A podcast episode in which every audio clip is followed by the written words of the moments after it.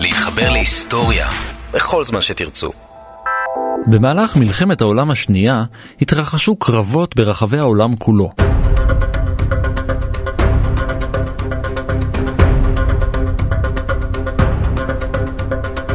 באפריקה ובמזרח התיכון, בים התיכון ובאירופה, באוקיינוס האטלנטי ובאסיה, באוקיינוס ההודי ובסין. בשש שנות המלחמה הזאת השתתפו יותר מ-30 מדינות, נהרגו בה יותר מ-50 מיליון איש, יש אפילו שהגיעו בספירה ל-85 מיליון, ונלחמו בה ב-92 קרבות שונים, קשים וקטלניים.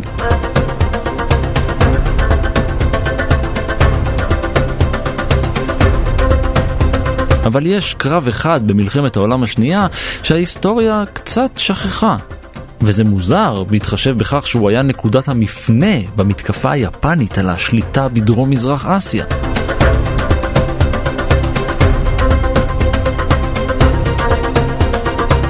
הוא נמשך כמעט חודש, ונודע לימים כסטלינגרד של המזרח.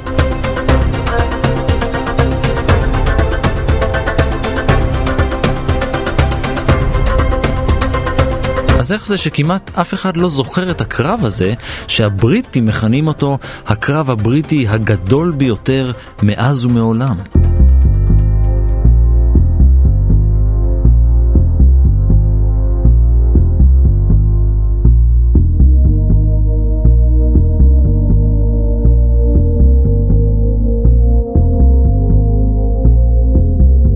היי, אני ערן מנהר ואתם על מנהר הזמן.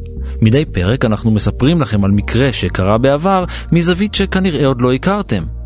הפעם אתם מוזמנים לעלות על ב' ולאחוז היטב בפק"ל, כי הפעם אנחנו יוצאים אל המזרח הרחוק לטיול לפני צבא.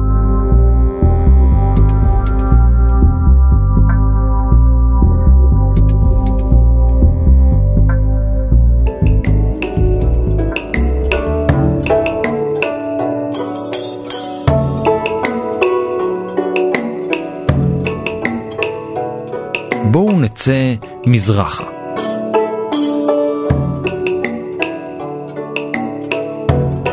במשך 2,500 שנה הייתה מדינת מניפור שבהודו צומת מרכזי בנתיבי הסחר האסייתיים בין הודו וסין. ממלכת מניפור הייתה אחת מנסיכויות הראג', אבל בתחילת המאה ה-19 הגיעו האנגלים.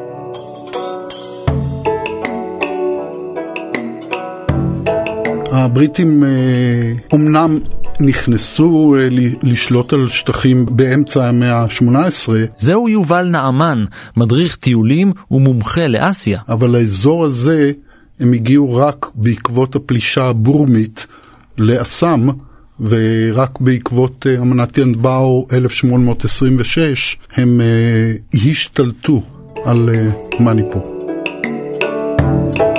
כששלטו הבריטים בהודו, תושביה של מניפור נזעקו. במשך 20 שנים, מ-1917, הם דרשו את זכויותיהם ועצמאותם מהכתר הבריטי. בשנות ה-30 אפילו התנהלו מגעים ומשא ומתן מתקדם בין הנסיכות המניפורית ובין בריטניה על סיפוח להודו במקום לבורמה. ואז? אז פרצה מלחמת העולם השנייה והשיחות נקטעו באחת.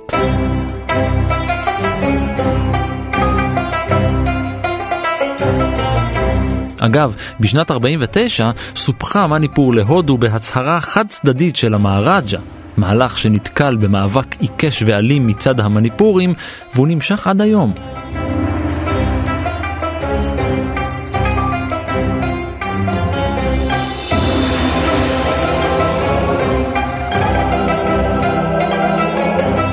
שכנתה של מניפור מצפון היא נגלנד, שמנמנמת על פסגת רכס הר הסרמטי בגובה קילומטר וחצי בצפון מזרח הודו. נגלנד, שלמעלה מ-90% ממנה הם פשוט הר, הפכה לחלק מהודו בשנת 1963. הסרמטי הוא הגבול הטבעי בינה ובין בורמה, הלא היא מיינמר.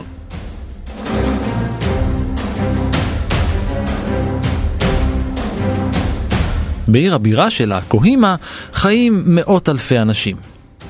כיום גם נגלנד וגם מניפור גובלות במדינת אסאם, אבל בעבר שתיהן היו חלק ממנה. כל החלק שנמצא במזרח הודו ומחובר במה שנקרא צוואר התרנגולת, רצועה קצרה מאוד בין בוטן לבין בגלדש של היום, כל החלק הזה בשטח של כ-250 אלף קילומטר מרובע הוא אזור שבטי ברובו, לא כל כך מחובר להודו למשך כל ההיסטוריה. מי שחיבר אותו להודו בעצם היה השלטון הבריטי שהתפשט מבנגל לכיוון בורמה. ואז השטח השבטי הזה נכנס תחת המעטפת ההודית.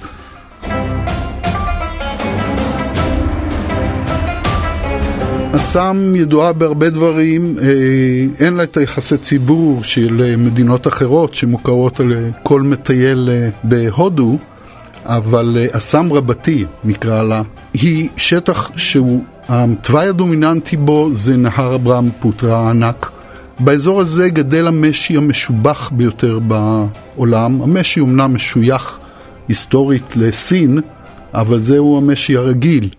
זה נקרא אה, משי מוגה. האזור הזה גם יש בו הרבה פילי בר. פילים יש בכל אסיה, הפיל האסייתי או הפיל ההודי, מרביתם, כיוון שניתן לאלף אותם, מרביתם מאולפים. קרנפים זה גם דבר שהוא ייחודי לאזור אה, מורדות ההימאליה. יש כ-500-600 קרנפים בנפאל, אבל מרביתן כמעט 2,500 אה, או כמעט 3,000 נמצאים באסם, ושם זה המקום הכי טוב לראות קרנף שהוא מכוסה כביכול בשריון כמו אביר, והוא מסתובב בטבע בקבוצות די גדולות. אה, התה האסמי הוא אה, למעשה הראשון שבוית לנטייה במטעים. באסם הביאו הבריטים את התה ואת שיטות הגידול, והתחילו באסם ובנגלנד לגדל תה. אה, לכן זה היה התה הראשון שנוצר, ותה דרג'ילינג, שהוא ממקום מאוד קרוב לצפון מזרח, הוא נחשב לתה הטוב בעולם. נשמע שבסך הכל מדובר באזור שלב ורגוע. כן, ממש.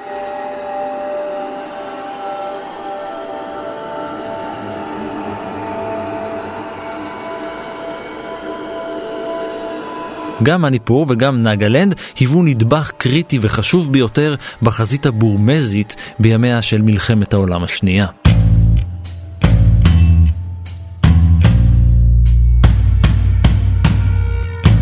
בואו נניח את השחקנים על הלוח. הגורם המשמעותי ביותר במלחמה במזרח היה יפן.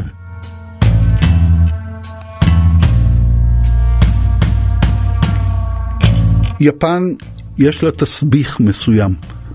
היא מעולם לא תקפו אותה, והיא כמעט מעולם לא תקפה אף אחד אחר. מרבית ההיסטוריה, לפחות מהמאה השלישית, היא הייתה עסוקה בעניינים פנימיים, במלחמות פנימיות, תחת משטר פאודלי. התסביך של היפני הוא שלמעשה כל דבר הוא קיבל מאחרים והפך אותו לטוב יותר. ביפן, במאות שנים האחרונות, המעמד העליון היה מעמד של סמוראים. סמוראי הוא עבד, הוא עבד של הדמיו, שהדמיו הוא תחת השוגון. מעל כולם מרחפת דמותו של הקיסר. בשנות ה-60 של המאה ה-19 נפתחה יפן לעולם, בהתחלה לארצות הברית ואחרי זה למדינות אירופה השונות. עקב התסכול של היפני, הם שלחו משלחות לכל העולם כדי ללמוד איך חיים במקומות אחרים, ואימצו דברים אחרים גם אם אין להם הסבר. בהוראה קיסרית התחילו לאכול בשר, כי האחרים אוכלים בשר והם גדולים מאיתנו. מושג הבושידו למעשה הוא מושג, כשם הוא מושג חדש, אבל uh, המושג של מהם כללי ההתנהגות הנכונים, הוא התפשט לכלל האוכלוסייה. חלק מזה זה נאמנות ללא תנאי לקיסר ולמדינה. היו כאלה שחיברו את הלאומנות עם הבושידו. דרך הזאתי של הבושידו אמרה שחייל היוצא לקרב, הוא עושה, עורך לעצמו לוויה לפני שהוא יוצא לקרב. חיילי יפן, כאשר השתלטו על אה, בורמה, נתקלו בכמה כוחות שלחמו על אותו קו גבול. מצד אחד היה הכוחות הבריטים, עם חיילי גורקה מנפאל ועם לוחמים הודים. בצפון הם נתקלו ביחידות מאוד uh, מיוחדות, שהן למעשה יחידות של סינים. פרט לכוחות האלה, היה עוד שני כוחות, או שלושה, אה, שהשתתפו בלחימה הזאת בגבול בין הודו לבורמה. כוח אחד מיודענו צ'ארלס אורד ווינגייט, האמריקאים שמאוד מאוד קינאו בהצלחה של ווינגייט, הקימו גם הם יחידה דומה, מין סיירת פושטי מריל, שגם הם אה, נלחמו בג'ונגלים של בורמה. היחידה הנוספת הייתה אנשי שבטים משבטי הקצ'ין, שהם חיים בג'ונגל, מכירים את הג'ונגל, יודעים להתמודד עם טיגריס, ויש כאלה הרבה, ויודעים להתמודד עם יפנים.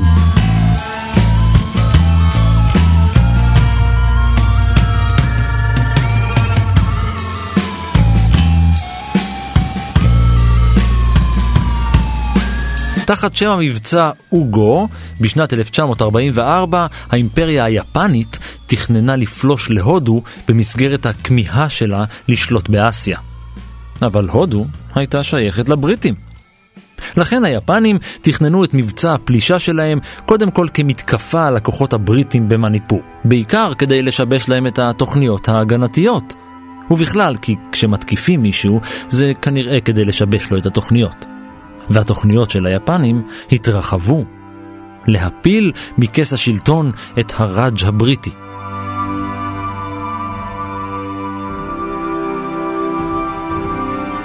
הנושא של הפלת הראג' הבריטי כתוב בהרבה מאוד ספרים. אני לא רואה סימוכין לניסיון להפיל את הראג' הבריטי. מאידך גיסא, מלחמת העולם השנייה זה בדיוק מה שהיא עשתה. היא הפילה את האימפריה הבריטית ופירקה אותה כשאטלי בעצם את כל מקום שהוא היה יכול להיפרד ממנו ולתת לו עצמאות, עשה את זה. אנחנו מכירים את זה מארץ ישראל. ככה שבמבחן ההיסטוריה, אכן הראג' הבריטי התפרק. האם זאת הייתה המטרה? כנראה שלא. בספר שסחב איתו כל חייל, היה כתוב, אנחנו רוצים לתת את אסיה לאסייתים. לקח גם לבורמים זמן כדי להבין שקולוניאליזם יפני הוא לא בהכרח טוב יותר מקולוניאליזם אה, בריטי. לכיבוש של השטח המסוים הזה בהודו הייתה משמעות נוספת. זהו אזור החיץ בין הודו וסין, והאמריקאים לא יוכלו לשלוח סיוע לכוחות הסינים של צ'אנקאי שק. בינואר 44 אושרה התוכנית והמבצע קיבל אור יפני ירוק.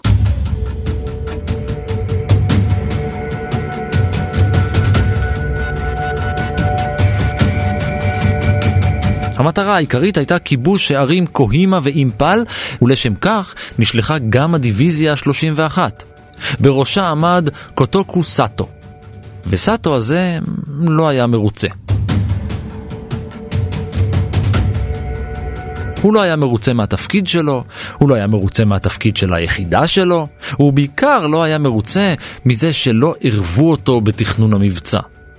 הוא היה משוכנע שהסיכויים שלו להצליח נמוכים. ועם גישה כזאת, הוא יצא לדרך. לא לפני שהוא הודיע לכל הצוות שלו שהם עומדים לגבוה ברעב. האדם שעמד בראש מבצע אוגו, ימגוצ'י, בשנות ה-30 היה שייך למחנה אחד בצבא. סאטו היה במחנה השני. ההבדלים בין המחנות לא היו גדולים, אבל מבחינה פרסונלית נוצרה כבר אז איבה בין אנשי המחנות השונים.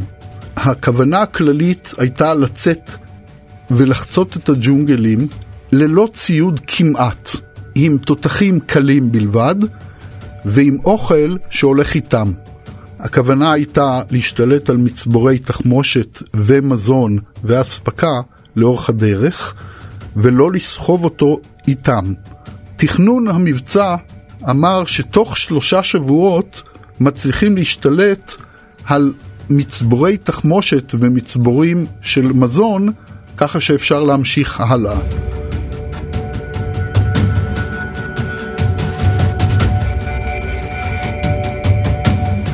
בשטח ההררי העמוס בעצים, הכוחות המערביים כבר לחמו לא אחת בלוחמי הקיסר היפני, אבל כמעט באף אחד מהקרבות האלה היפנים לא הפסידו. באף אחד. חוץ מאשר באחד, בקרב האחרון.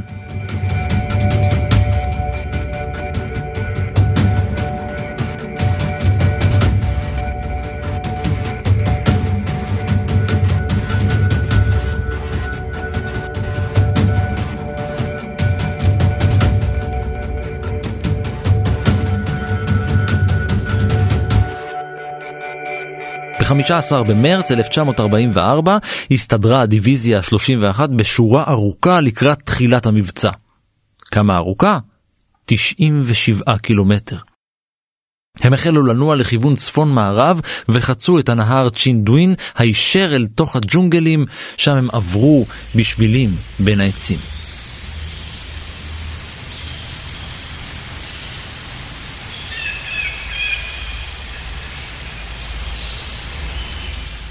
קוהימה נמצאת בגובה של כ-1400 מטר באזור הררי, ערים שמה מאוד תלולים, והיא נמצאת לאורך דרך שמובילה כאמור מבסיס האספקה הגדול דימפור, שנמצא על מסילת הרכבת, לבין אימפל, שהוא עמק אסטרטגית מצוין גם ללוחמה, גם להגנה. המקום עצמו, חשיבותו האסטרטגית היחידה באותה תקופה הייתה הימצאותו על הדרך. בסך הכל מקום ששולט על דרך. וזו הייתה הדרך בה התכוונו היפנים לפלוש להודו. לו היפנים היו מדלגים על קוהימה, היו יכולים להמשיך עוד 70 קילומטר ולהגיע למקום החשוב באמת, הוא דימפור, לעלות על הרכבת ולנסוע לדלי.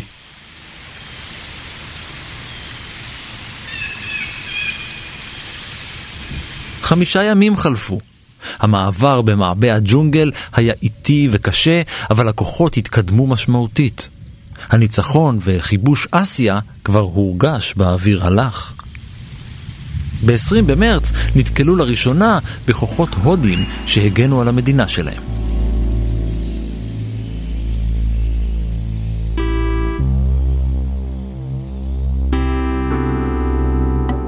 הבריגדה המוצנחת החמישים של הודו ניסתה למנוע מהיפנים מלהמשיך בדרכם. ולמרות שהם לא היו המטרה העיקרית שלהם, היפנים עצרו מלכת והחליטו להסיר את האיום הרגעי לטעמם. הם נלחמו בהם ביער במשך שישה ימים רצופים, במה שנרשם בהיסטוריה כקרב סנגשק.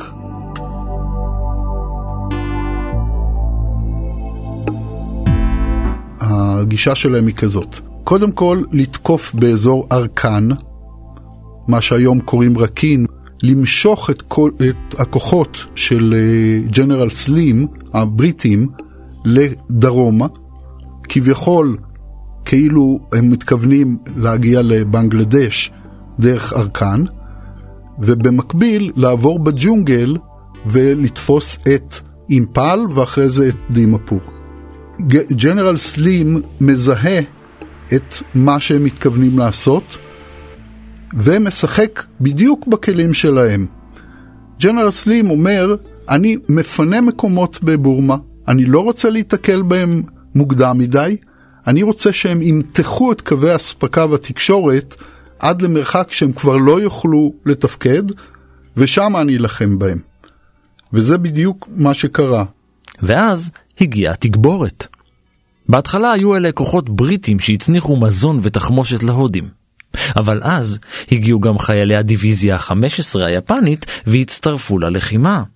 וההודים הרימו ידיים ונסוגו לאחור. הם איבדו 600 איש, היפנים 400. אבל הם גם לקחו שלל, תחמושת ומזון שהוצנחו על ידי הבריטים. המבצע התעכב בשבוע. בינתיים בצד השני של קו האש הבריטים הבינו שמשהו גדול קורה. מסמכים שנפלו לידיהם בקרב סנקשק גילו להם את התמונה האיומה. הצבא היפני בדרך לקוהימה.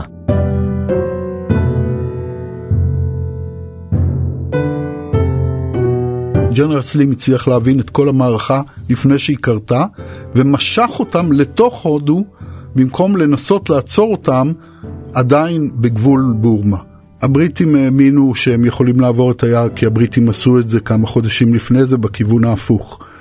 הבריטים ידעו על צורת התקיפה של היפנים, אבל הם היו בערפל קרב מאיפה תגיע היחידה הצפונית, ולכן הם לא הזיזו כוחות עד שהם ידעו לאן הולכת המערכה. ולכן הפיקוד הבריטי לא ממש מיהר לעבות את הכוחות בקוהימה.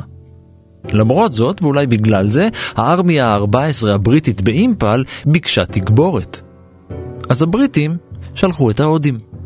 הדיוויזיה ההודית החמישית הוצאה ישירות מקרב בו ניצחה את הכוחות היפנים התוקפים בארקן.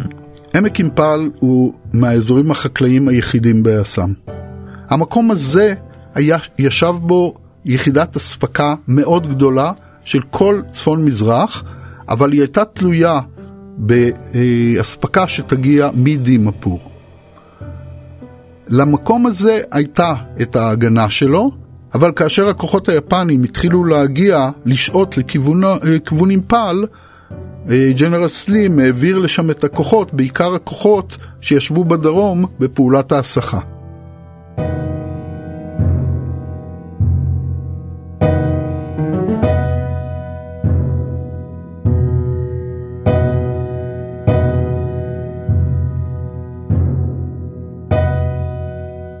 הבריטים הימרו. כיוון שנחשבה לסוג של מחסום על הדרך, קוהימה הופקדה בידיהם של לוחמים שרק סיימו טירונות. מבחינתם הנקודה האסטרטגית החשובה ביותר הייתה דימפור, שם נגמרה הדרך ושם גם הייתה מרוכזת רוב האספקה שלהם. למה זה היה הימור? כי אם היפנים יכבשו את קוהימה, הדרך לכבוש את דימפור תהיה מובטחת.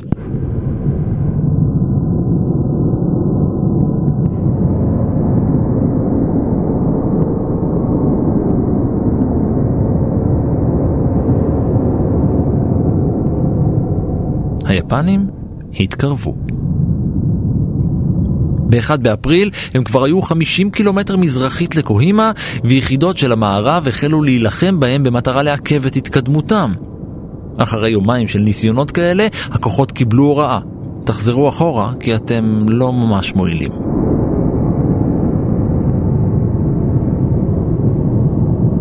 היפנים ניסו לכבוש את הרכס כולו החל בשלושה באפריל, ובלילה הם הגיעו אל פאתי קוהימה.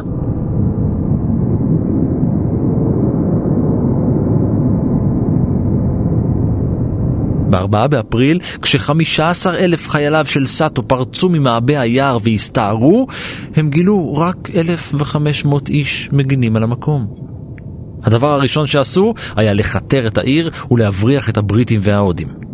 אלה עזבו את העמדות שלהם ונדחקו לשטח בגודל של כמה מגרשי טניס.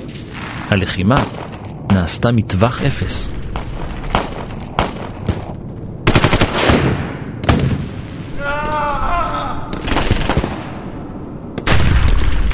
המקום שעליו אה, מתנהלת הלחימה נקראת גבעת גריסון. על הגבעה הזאת יש את בית הנציב הבריטי. זה איננו חלק מיישוב, זה מחוץ לכפר קוהימה. במקום הזה יש יחידת הגנה ועוד יחידת שירות מסוימת, סך, סדר גודל של כ-1,500 לוחמים שיודעים להחזיק רובה. הוא לא אזור מבוצר, אין לו גדרות מסביב, ויש מעיין במעלה ההר שמספק לו את המים. לא בנוי כמוצב צבאי כלל. דבר ראשון שעושים היפנים זה תופסים את המעיין. דבר השני שהם עושים זה עם צלפים יורים במיכלי המים שישנם, שעומדים על אה, רגליים גבוהות ומנקבים אותם, וכבר אחרי שעות ספורות כל, כל המים שנשארו זה המים שיש במימייה של כל uh, איש ואיש.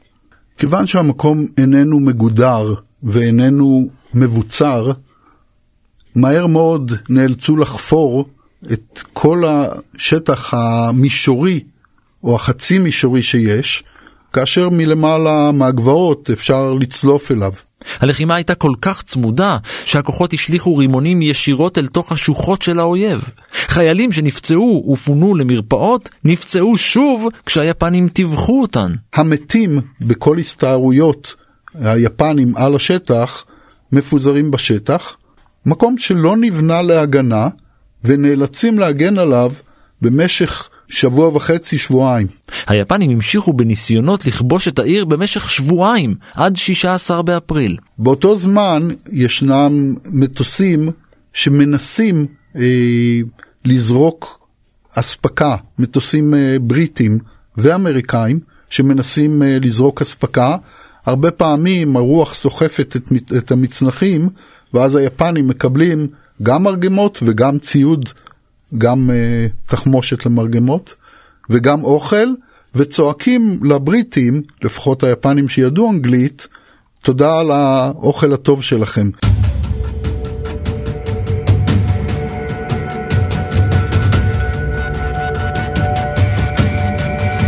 באפריל החל המצור על קוהימה והיפנים השתמשו בתחמושת שלקחו מהקרב בסנקשק. אחרי שבועיים של לחימה הגיעה החטיבה השישית הבריטית וקיבלה את השוק של החיים שלה מהתנאים במקום ובעיקר מאיך שנראו החיילים הלוחמים.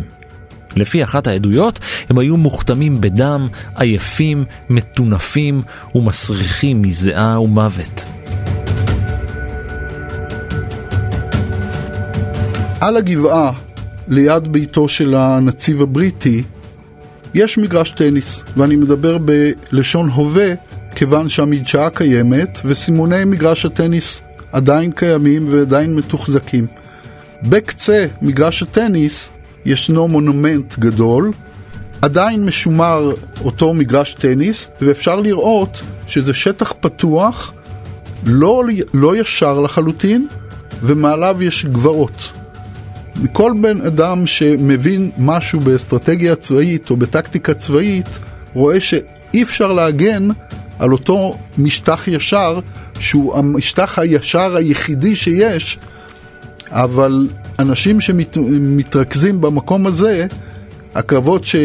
שיש להם, כשברקע יש זבובים וגוויות ובאוויר הדי חם, והגשם שמתחיל, אנשים שצריכים להיות במצב הזה ושלא ישנו בלילות, אה, מצבם גרוע, גרוע מאוד. כשיחידה 161 פורצת את המצור, היא מוצאת את האנשים האלה חצאי אדם.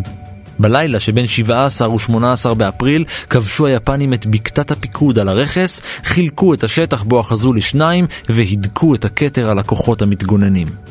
הבריטים וההודים היו מיואשים.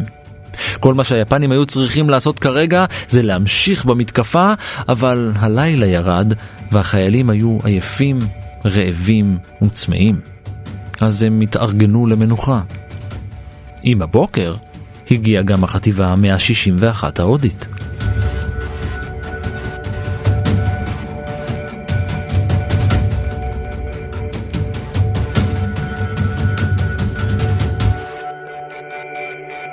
במשך החודש שלאחר מכן, הבריטים וההודים החלו בפעולות בלימה. הם לחמו ביפנים כדי להדוף אותם מהעמדות שכבשו. עם כל הכבוד והיראה מהקרבות עד כה, מיד לאחר שהגיעה החטיבה ה-161, החלו הקרבות הקשים באמת. אחרי היום הראשון ובסיוע אווירי, הצליחו הכוחות המגינים להתנער מעט מלחץ היפנים.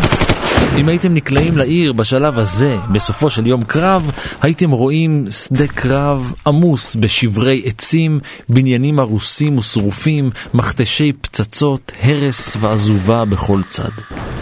בלילה חולצו 300 פצועים תחת אש. אחרי עוד 24 שעות הצליחו הכוחות להשיב לידיהם את המוצב שנכבש מהם. אבל היפנים לא הרימו ידיים. צריך להבין שהיפנים בשלב הזה למרות שיש להם עמדות שולטות, הם שברי כלי. מרבית האנשים או הרוגים או פצועים, גם אלה שלא הרוגים או פצועים, מחצית מהם חולים ולא מסוגלים לאזן אה, רובה, וגם מי שיכול לאזן רובה ולראות, אין לו תחמושת. כמות ההרוגים הייתה אדירה. יפני נלחם עבור קיסר. יפני יש לו את קוד הבושידו, יפני לא ייפול בשבי מסיבה נורא פשוטה. הוא כרגע משרת סמוראי שמשרת את מפקדו. ביום שהוא ייפול בשבי, הוא צריך לשרת את בעליו החדשים ולהילחם נגד הקיסר שלו. ולזה הוא לא מוכן. לכן היפני במלחמת העולם, בתקופה המיליטנטית, ימשיך להילחם ואין לו שום בעיה עם זה שהוא ימות בקרב. יותר מחודש של לחימה אינטנסיבית חלף. חודש! הבריטים העלו טנק אל הגבעה מעל מגרש הטניס ומשם המטירו תופת על הכוחות היפנים. ליפנים לא הייתה ברירה אלא להתארגן מחדש. חלק מהכוח נשאר לשמור על הרכס של קוהימה, וחלק החזיק בכפרים מסביב לעיר. אבל בלי אספקה, סיוע אווירי ומים, היפנים היו מותשים. לבריטים לקח זמן לסלול דרך במעלה הגבעה, מהצד הרחוק שלה. הם הצליחו לעלות טנק, והטנק הידרדר לתוך העמדות היפניות, מה שגרם להם נזק מאוד גדול. הבריטים הצטיידו היטב. היו להם 38 תותחי הוביצר ועשרות מכונות ירייה, כוחות חיל האוויר תקפו את העמדות היפניות. ברגע שהתחיל המאבק על קוהימה ודימפור, הם כבר היו מאוד מאומנים בזה, והם הצניחו אלפי טונות של ציוד לכל נקודה נצורה, כולל אימפל, כולל קוהימה, כולל כל מקום שהיה נצור בדרך.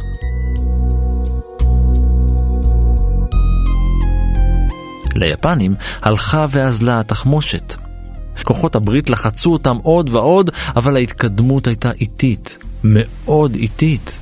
עונת המונסון הגיעה, והמדרונות של האזור הפכו בוציים וחלקים במיוחד. בעלות הברית נאלצו לחצוב לעצמם מדרגות ולהתקין מעקות על מנת להתקדם במעלה ההרים והגבעות. ב-4 במאי הגיעו הבריטים עד פאתי הכפר נגה, שהיה בשליטת היפנים, אבל הם נהדפו בחזרה. זה היה בדיוק באותו היום בו יחידה אחרת שלהם הקיפה את אחד הערים במסע רגלי ארוך ומתיש והגיעה להתקיף מאחור את היפנים שעל הרכס. התקפת הפתע נכשלה, והקרבות פנים אל פנים שהתפתחו במקום הובילו להרוגים רבים, ביניהם גם של שני מפקדים בכירים ומוערכים. 4 במאי היה גם היום בו החליטו הבריטים להתמקד במטרה אחת, גירוש היפנים מרכס קוהימה.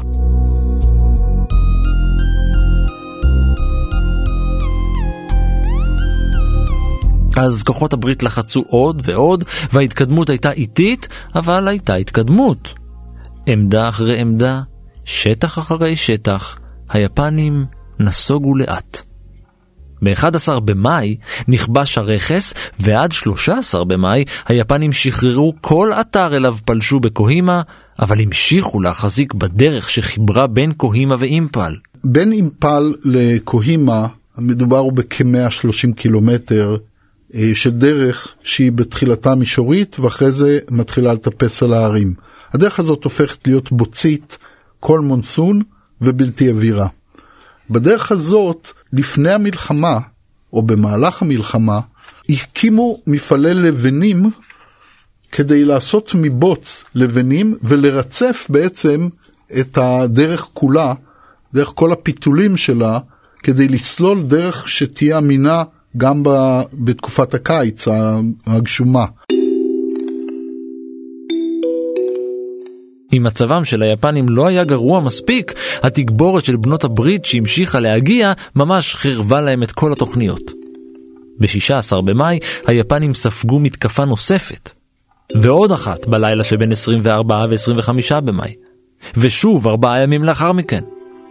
אבל הבריטים וההודים כבר היו לאים. משך הלחימה הארוך, מזג האוויר והעייפות עשו את שלהם.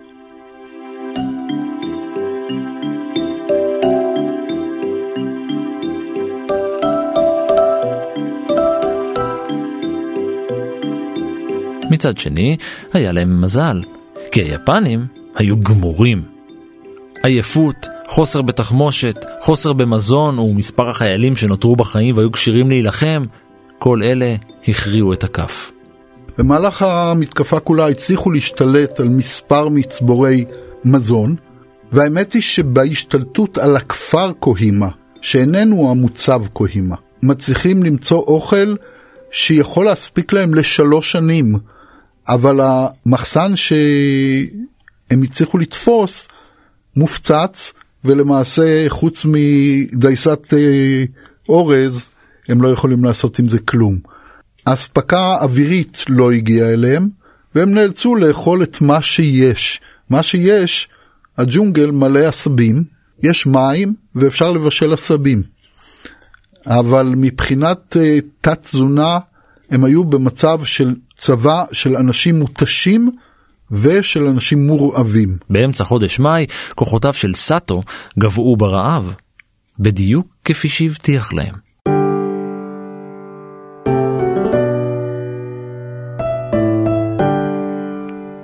סאטו חשב לסגת לאחור על מנת להאכיל את חייליו. בשלב ראשון, סאטו מבקש לסגת. הוא מקבל תשובה נחרצת, אתה לא נסוג, אתה ממשיך את הקרב. אז הוא מודיע שבראשון ליוני הוא מתכוון לזוז אחורה לנקודה עורפית שבה הוא יוכל להיות מתוספק. ראש המטה של ימגוצ'י נשלח אליו ואומר לו, אתה לא יכול לעשות את זה. אתה תישפט על זה, וזה דבר שהוא אסור אה, להמרות פקודה. הוא שלח אותו כבינימט ואמר לו, אני בראשון ליוני זז, ובראשון ליוני הוא זז והודיע לחיילים שלו לסגור את מכשירי הקשר. בניגוד לפקודות שקיבל, הוא הזיז את הכוחות צפונה על הדרך הכבושה. איזו טעות. במהלך החודש שלאחר מכן לחצו הבריטים והתגבורת ההודית, לחמו, נאבקו, תקפו, ובסופו של דבר שחררו גם את הדרך הכבושה.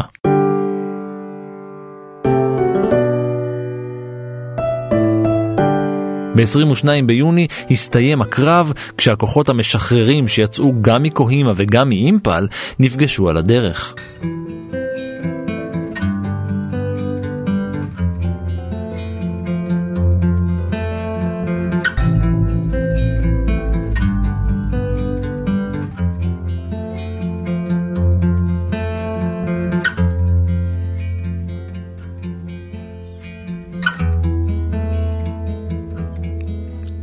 הקרבות על קוהימה ואימפל נמשכו ארבעה חודשים.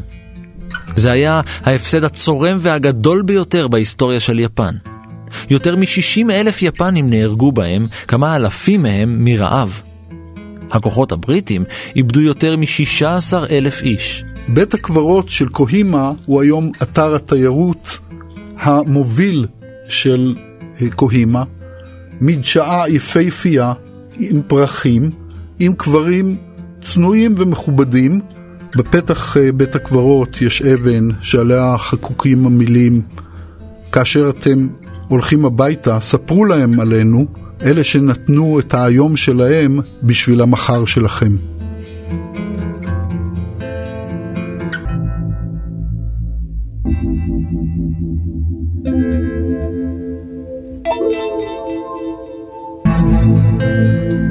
מספר ההרוגים האדיר השפיע על המשך התנהלות היפנים במלחמת העולם השנייה. המלחמה על בורמה נמשכה עוד שנה. המלחמה על בורמה למעשה לא, השת... לא הסתיימה בשחרור בורמה, אלא בשחרור צפון בורמה. הצבא היפני המשיך להילחם בעוז בגזרות אחרות, במנדלי ובגבול סין, אבל אותם יחידות ואותם מפקדים, הם כבר לא חזרו, היחידות הושמדו, המפקדים הודחו, אה, סאטו ניתן לו סכין, חרב, על מנת שיבצע ספוקו, מה שאנחנו קוראים הראקירי. הוא סירב לעשות את זה, הוא גורש מהצבא, אבל ימגוצ'י שגירש אותו, גורש בעצמו על ההפסד. כאשר מנתחים בדיעבד וקובעים נקודות על פני שש שנים של אה, מלחמת העולם, אז ישנם כמה נקודות שהן הפכו להיות נקודות מפנה. כולם מכירים את ה-D-Day, כולם מכירים את פרל uh, הרבור, כולם מכירים את היום של יציאה למבצע ברברוסה שהפך את המלחמה, כולם מכירים את פצצות האטום שנפלו על uh, יפן, בודדים בודדים מכירים את הקרב על אימפל וקוימה, שלמעשה שינה מגמה בהתפשטות הטריטוריאלית של יפן. אז איך זה שלא שמענו על הקרב הזה? בגלל הנאצים.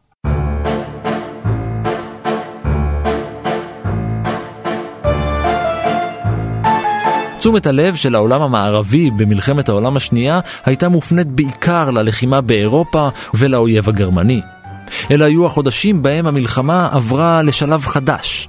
בעלות הברית פלשו ליבשת, והמבטים, הכותרות והחדשות עברו לצפון צרפת.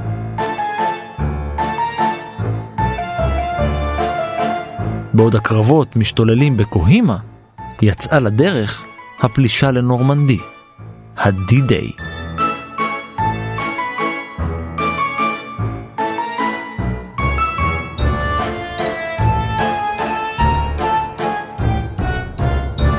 בשנת 2013 מוזיאון הצבא הלאומי של בריטניה הכריז על קרב קוהימה ואימפל כקרב הגדול ביותר של בריטניה. יותר מנורמנדי, יותר מווטרלו.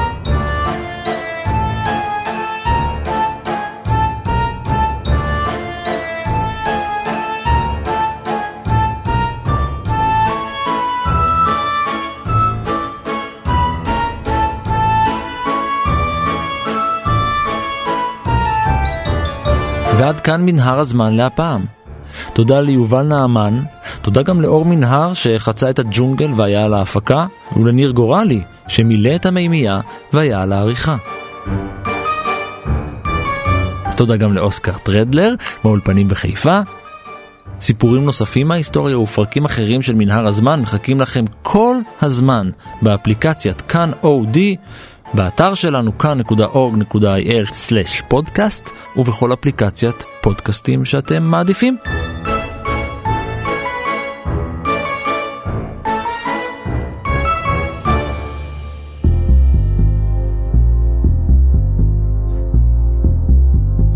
אתם מוזמנים לעקוב אחריי ברשתות החברתיות, בפייסבוק ובטוויטר, להגיב, להציע רעיונות ובעיקר להתחבר.